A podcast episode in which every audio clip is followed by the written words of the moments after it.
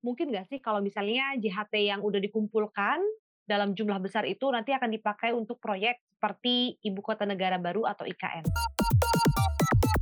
Yang belum banyak dipahami oleh Sobat Cuan ya, juga juga masyarakat Indonesia secara umum, sebenarnya JHT itu pada awalnya memang hanya boleh dicarikan pada usia 56 tahun kita boleh berkacam dengan uh, JHT JHT di negara-negara lain ini seperti apa sih? Kan kalau di Indonesia kan sekarang masih jadi polemik dan kayaknya masih tarik ya. ulur. Koneksi. Konten ekonomi seksi. Hai Sobat Cuan, selamat datang di podcast Cuap Cuap Cuan. Halo, Halo Sobat Cuan.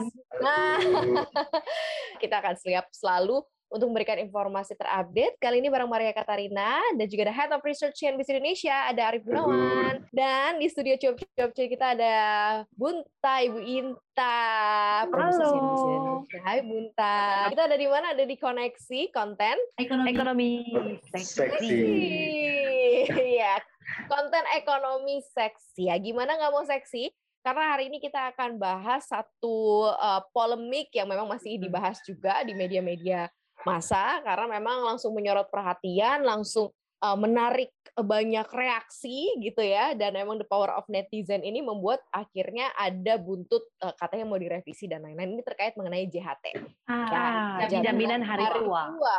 Sebelum kita bahas nih, uh, kenapa kok tiba-tiba pemerintah memang berencana mau mencairkan JHT pada saat masa pensiun?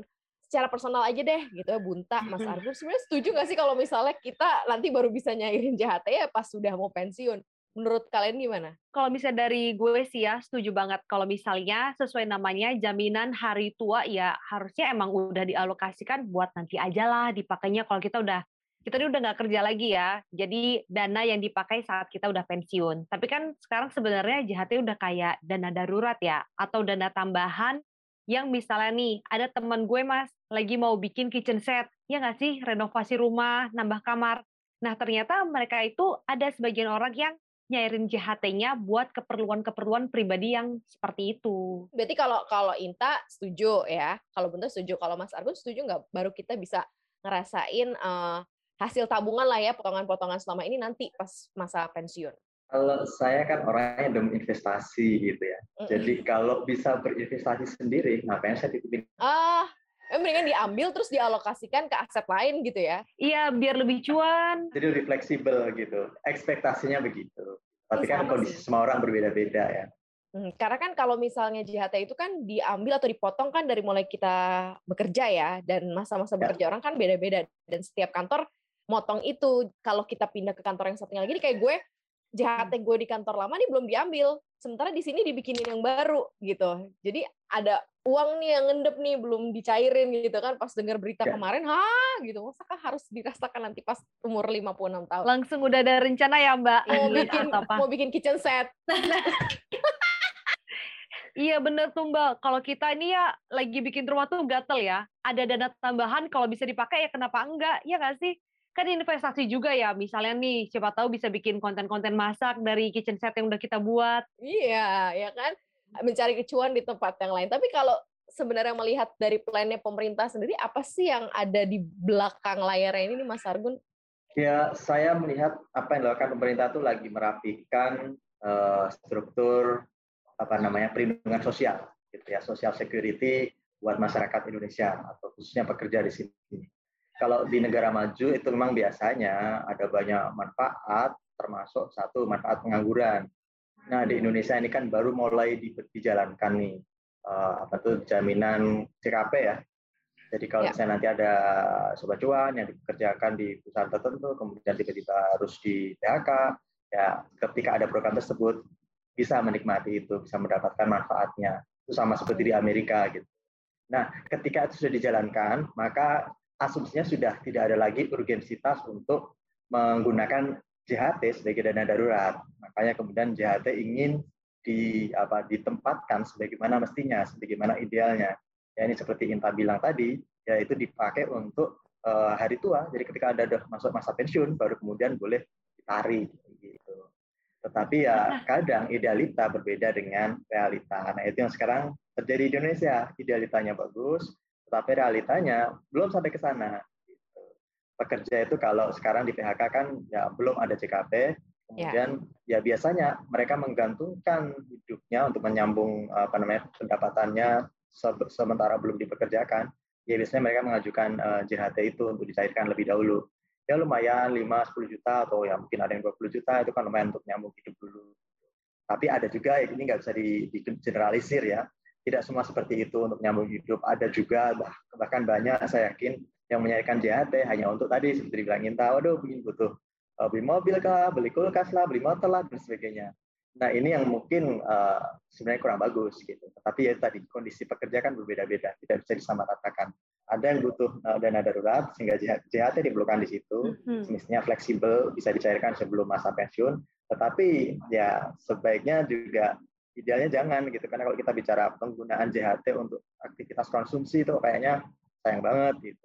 Kecuali memang bisa muter duitnya lebih bagus di atas 6% misalnya itu kan lebih tinggi uh, imbal hasilnya ya kalau 6% dibandingkan dengan JHT yang sekitar 5% kalau nggak salah.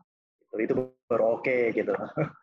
Tapi kan ya itu tadi kondisinya berbeda-beda dan sebenarnya aturan itu seharusnya uh, memberikan apa namanya berlaku umum gitu ya. Jadi nggak nggak bisa dimenguntungkan satu pihak saja. Harusnya semua pihak di, dirangkul. Iya, diakomodasi gitu kan, Mas? Diakomodasi. Iya, Mas Argun sepakat nih kalau misalnya jaminan-jaminan seperti JHT itu kan perlu banget ya, terutama di masa sulit sekarang ini, apalagi pas ekonomi lagi turun karena ada pandemi yang kita nggak tahu nih sampai kapan, Mas. Mungkin memang katanya diproyeksi bakal selesai di tahun ini, tapi kan nggak ada yang bisa memastikan kan. Nah, nanti kalau misalnya nih pada saatnya revisi nanti sudah diberlakukan oleh pemerintah untuk kebijakan JHT. Tapi ada satu masalah lagi nih yang perlu diselesaikan soal krisis kepercayaan kepada pemerintah. Kan ada opini bahwa perubahan pencairan JHT di usia 56 tahun itu karena jadi siasat pemerintah supaya untuk memperkecil klaim yang ditarik bersamaan dalam waktu dekat karena katanya nih pemerintah lagi butuh dana besar untuk proyek-proyek mercusuar, misalnya proyek ibu kota negara baru. Tapi sebenarnya menurutnya Mas Argun nih mungkin nggak sih kalau misalnya JHT yang udah dikumpulkan dalam jumlah besar itu nanti akan dipakai untuk proyek seperti ibu kota negara baru atau IKN? Apakah uh, benar begitu? Jadi kalau kita lihat uh, kondisinya dia sebagai dana pensiun gitu ya, itu kan ada Eh, regulasi yang mengatur POJK, peraturan OJK yang mengatur do and don'ts-nya, tidak boleh dan yang boleh ditanamkan gitu ya. Uh, kalau misalnya saya JP Jam Sostek, maka saya nggak boleh misalnya beli uh, saham-saham gorengan misalnya itu ada ketentuannya. Hmm. Bahkan di PB Jam Sostek juga ada aturannya sendiri. Jadi tidak semudah itu untuk memakai dana yang dikelola di Jam Sostek untuk ketentuan lain, keperluan lain selain investasi pengembangan gitu ya. Uh, yang bisa saya duga sekarang terjadi adalah memang itu tadi hanya untuk merapikan struktur uh, social security di Indonesia.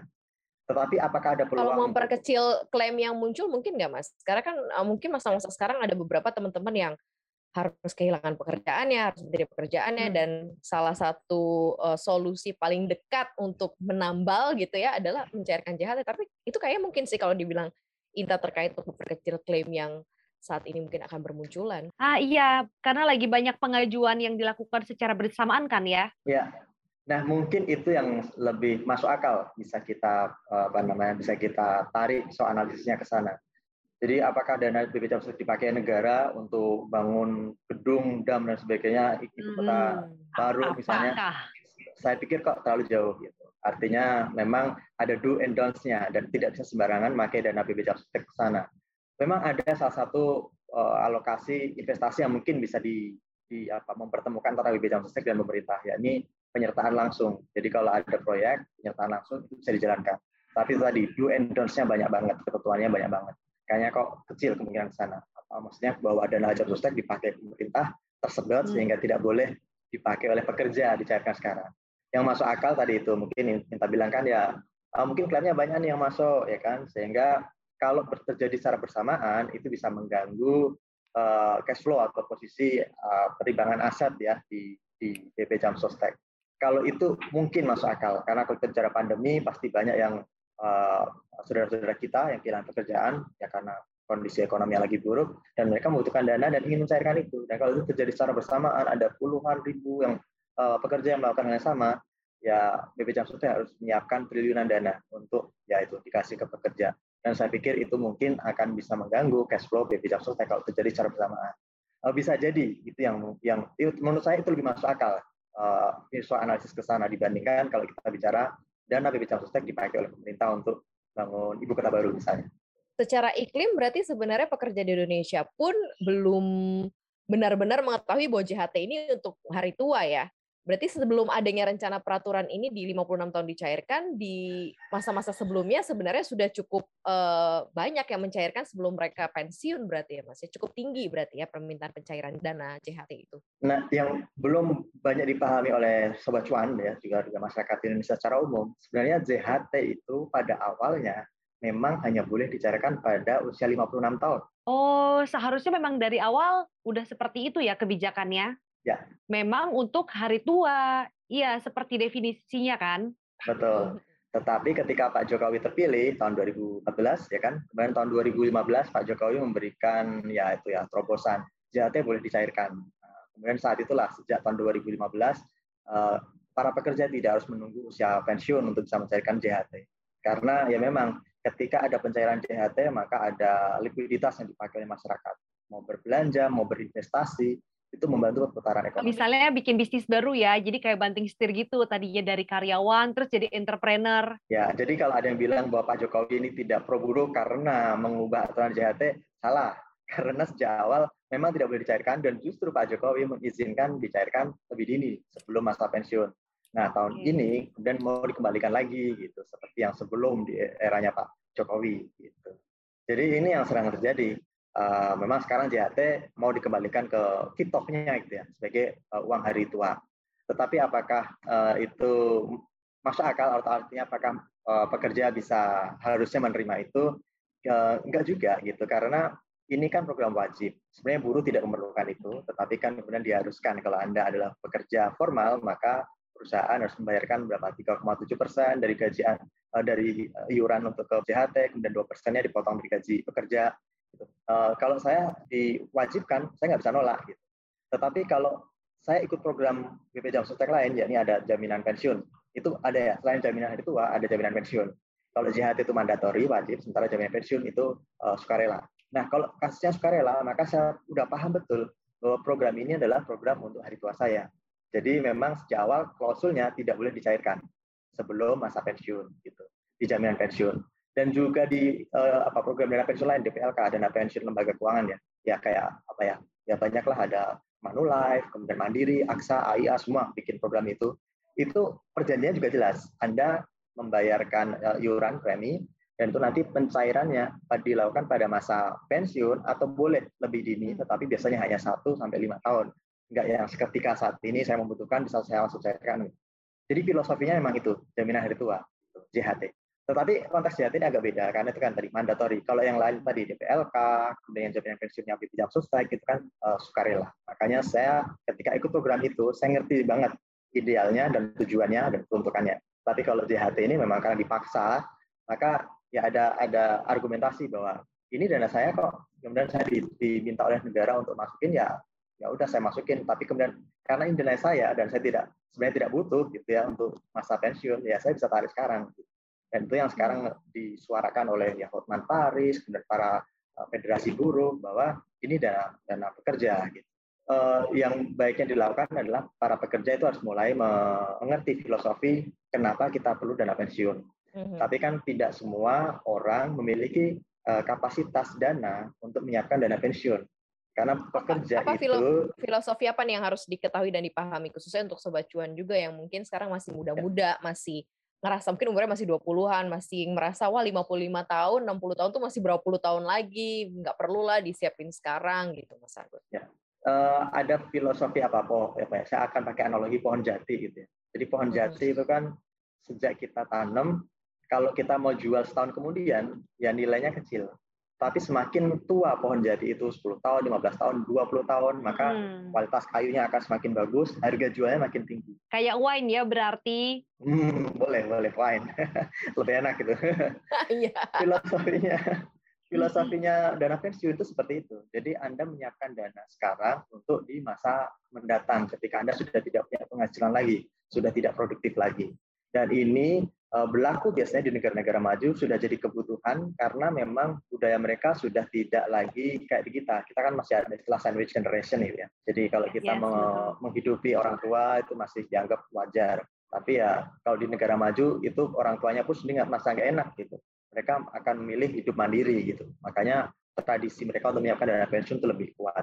Nah, sobat cuan seharusnya juga mulai berpikir ke arah sana. Jadi kalau kita bicara uh, investasi, misalnya Anda udah punya alokasi, maka perlu ada saving tambahan setelah itu ya setelah investasi untuk masuk ke program uh, pensiun gitu. Tetapi dengan catatan uh, konsumsi sudah oke, okay, ya kan, kemudian uh, tabungan sudah ada untuk kebutuhan keperluan mendadak atau darurat, kemudian investasi sudah ada alokasinya, baru kemudian kita bicara Oh, saving untuk dana pensiun di situ.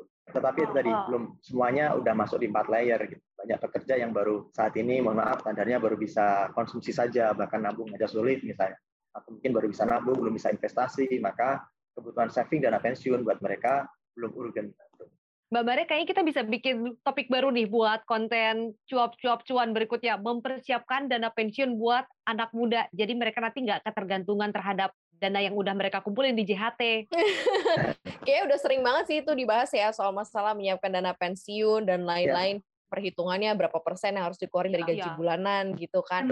Iya, kenapa harus disiapin? Karena memang orang susah untuk menunjang gaya hidupnya kan. Nanti kalau misalnya udah tua, gaya hidupnya kan masih sama tapi pengeluarannya terus tambah nih. Bahkan bisa lebih banyak kalau kesehatannya makin turun. Hmm. Kalau kita boleh berkaca, Mas Argun, dengan uh, JHT-JHT di negara-negara lain ini seperti apa sih? Kan kalau di Indonesia kan sekarang masih jadi polemik dan kayaknya masih tarik ya. ulur kayaknya harus dicari juga titik temunya karena kan si pemerintah ya maunya ya balik lagi kepada kitohnya sebagai jaminan hari tua. Sementara kan sekarang hmm. sudah uh, dimudahkan dengan ya udah kalau resign mau pindah ke kantor berikutnya bisa cairin yang sebelumnya gitu ya. kan. Nah ini uh, kalau perbandingannya di beberapa negara untuk pension fund atau jaminan dana pensiun sendiri seperti apa sih dan jaminan hari tua sendiri? Ya, uh, kita ambil contoh Amerika saja lah ya. Ini kan dia kiblat kalau kita bicara dana pensiun. Kalau udah advance soal santunan buat pengangguran gitu, kerja yang menganggur. Di Amerika tuh ada program 401k gitu. Jadi itu kayak semacam JHT diwajibkan. Ya, maksudnya pekerja dan karyawan mengiur bersama-sama, dipotong gaji kalau karyawan. Nah itu memang sama. Uh, mereka tidak boleh mencairkan sebelum masuk masa pensiunnya. Dan hmm. tetapi uh, gini, uh, bukan berarti itu mutlak gitu ya. Artinya kalau Anda mau mencairkan pun nggak apa-apa, nggak apa-apa. Tidak dilarang secara mutlak. Tapi Anda kena disinsentif ya. Ini ada penalti tax 10% selain oh. PPH.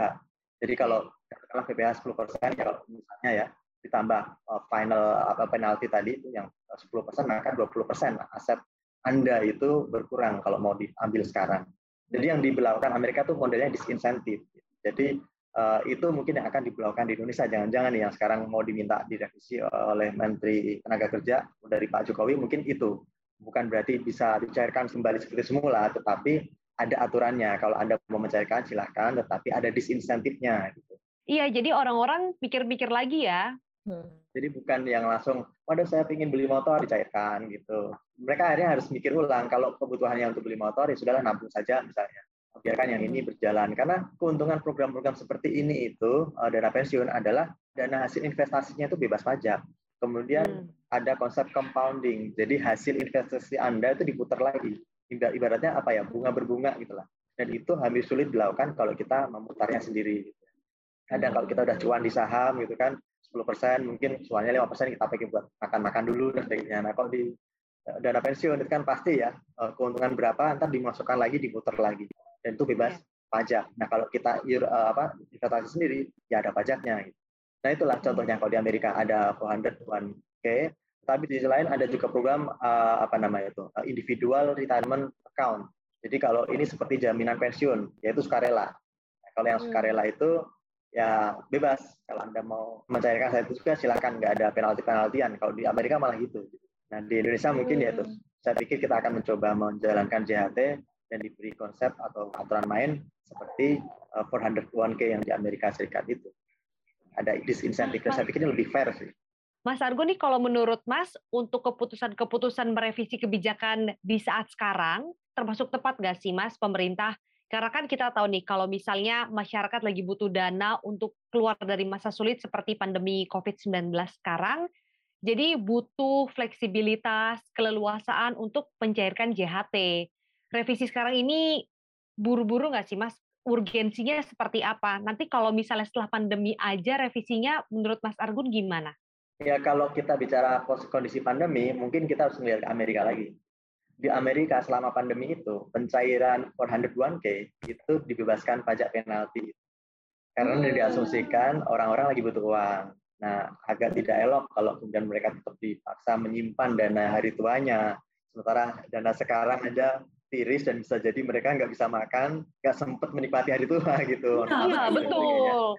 Ya sudah akhirnya diizinkan, uh, boleh dicairkan dan tanpa ada penalti, tapi selama pandemi saja. Dan saya pikir uh, sekarang memang spiritnya harus sama. Jadi banyak teman-teman pekerja kita juga kondisinya sedang kesulitan dan mereka membutuhkan JHT itu untuk selang infus lah ya untuk melanjutkan uh, apa namanya pendapatannya sehari-hari sambil menanti ekonomi pulih.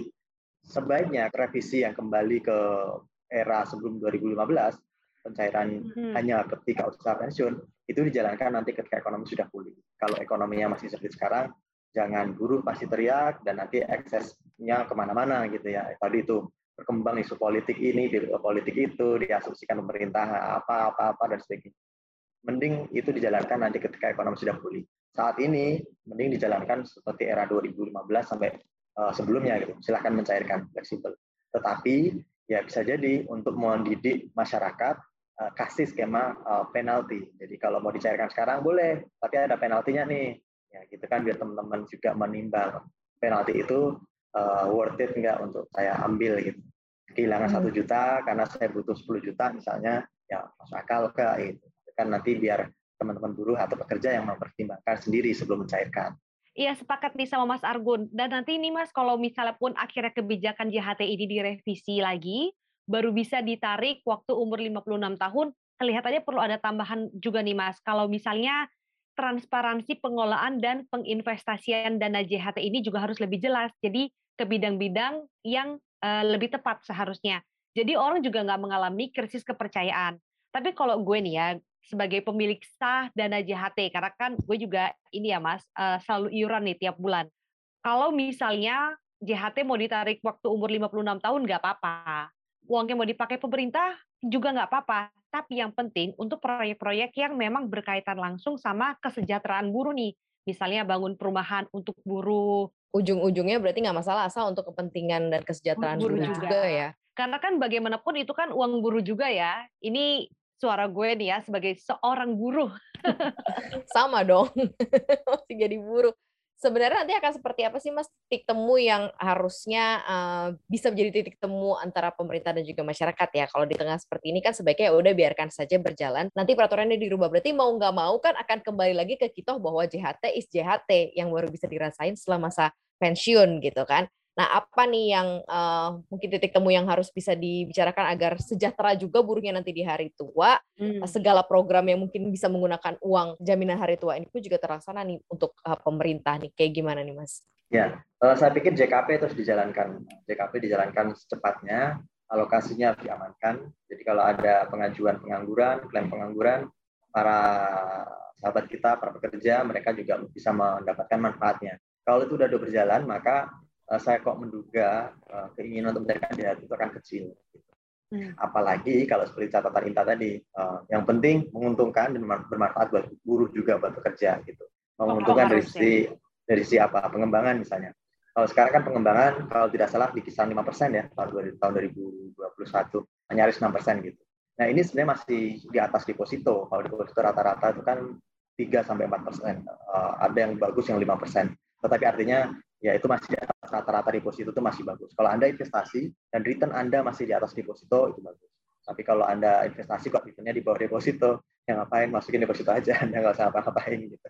Dan makanya JHT itu masih oke. Okay. Tetapi kalau dibandingkan dengan kinerja sebelumnya BP Jam Sostek sebenarnya ini kurang oke okay nih karena pada tahun 2014-an dulu itu pernah di angka 10 persenan gitu uh, pengembangannya gitu tahun. Jadi bayangkan 10 persen ke 5 persen kok ada penurunan. Ya mungkin pasar lagi hmm. bergejolak dan sebagainya. Itu yang pertama. Kalau BP Jam Sostek bisa memberikan keuntungan tinggi, uh, saya pikir uh, para buruh akan punya pertimbangan tambahan kalau mereka mau mencairkan sekarang. Maksudnya ngapain saya cairkan sekarang? Mending saya tunggu karena keuntungannya besar kok. Apalagi hmm. sudah ada JKP tadi itu. Uh, saya pikir itu aja. Uh, mungkin jalan tengah JKP dijalankan, keuntungannya diperbaiki, uh, bolehlah nanti mau dananya diinvestasikan. Uh, apa apa saya nih kalau misalnya ada ada kebutuhan untuk mengembangkan apa proyek strategis gitu ya. Uh, maka hmm. BP Jamstek diminta menyalurkan dananya lewat apa tuh uh, sovereign wealth fund yang kita sudah miliki PINA ya PINA atau INA itu. Nah itu hmm. mungkin bisa jalan, tetapi asalkan tadi aspek keuntungannya harus tetap dijaga. Karena ini kan dana dana masyarakat, dana buruh gitu. Jadi nanti kalau buruh mengajukan sertifikat pensiun, nggak ada tuh isu soal duitnya nggak ada, masuk ke saham gorengan, kayak uh, BUMN BUMN kemarin itu kan banyak yang terjadi seperti itu. Nah saya pikir kekhawatiran masyarakat ya bisa dipahami lah. Jangan-jangan nanti ketika saya pensiun, saya menarik dananya nggak ada, nah, gitu loh. Ini ya, kenapa iya, terjadi? Karena kan ada kasus-kasus sebelumnya, Jiwasraya, Bumi Putra, ya. BUMN yang sebetulnya besar, tapi ternyata pengelolaan investasinya bagus. Gitu. Jadi Asabri juga kan. Gitu. Nah hal ini harusnya mulai dibenahi gitu ya. Uh, kepercayaan masyarakat atau pekerja itu tidak muncul dari ruang hampa gitu. Memang ada alasannya. Jadi emang jalan tengahnya jika dijalankan, uh, eh, JHT keuntungannya tinggi dan dia tuh dibikin fleksibel nggak apa-apa. Asalkan ada skema disinsentif kalau mau mencairkan sekarang. Biar buruh pikir-pikir. Ya. Dan kalau memang mau dicairkan dan merasa mampu mengelola sendiri sih dibebaskan juga nggak apa-apa ya. Maksudnya kelola sendiri artinya pemahaman investasinya sudah mature, sudah, okay. sudah ngerti nih mau ditaruh ke mana, dananya sih boleh. Simpelnya gini aja kali ya Sobat Cuan harapan hidup masyarakat Indonesia itu kan untuk pria sampai dengan 75 tahun untuk eh, uh, 70 tahun ya untuk wanita sampai dengan 75 tahun. Sementara kita uh, produktif masa kerja sampai 55 56 tahun. Sisa hidupnya kalau udah nggak dapat gaji bulanan, kalau udah nggak ada lagi income dari mana gitu kan. Nah, pastinya JHT itu dipersiapkan untuk bisa menambal nih, walaupun berdasarkan perhitungan para perencana keuangan nggak cukup katanya kalau misalnya mengharapkan memang pension fund yang sudah disiapkan sama kantor, jadi emang harus nyiapin sendiri juga. Jadi harus double juga nih amunisinya.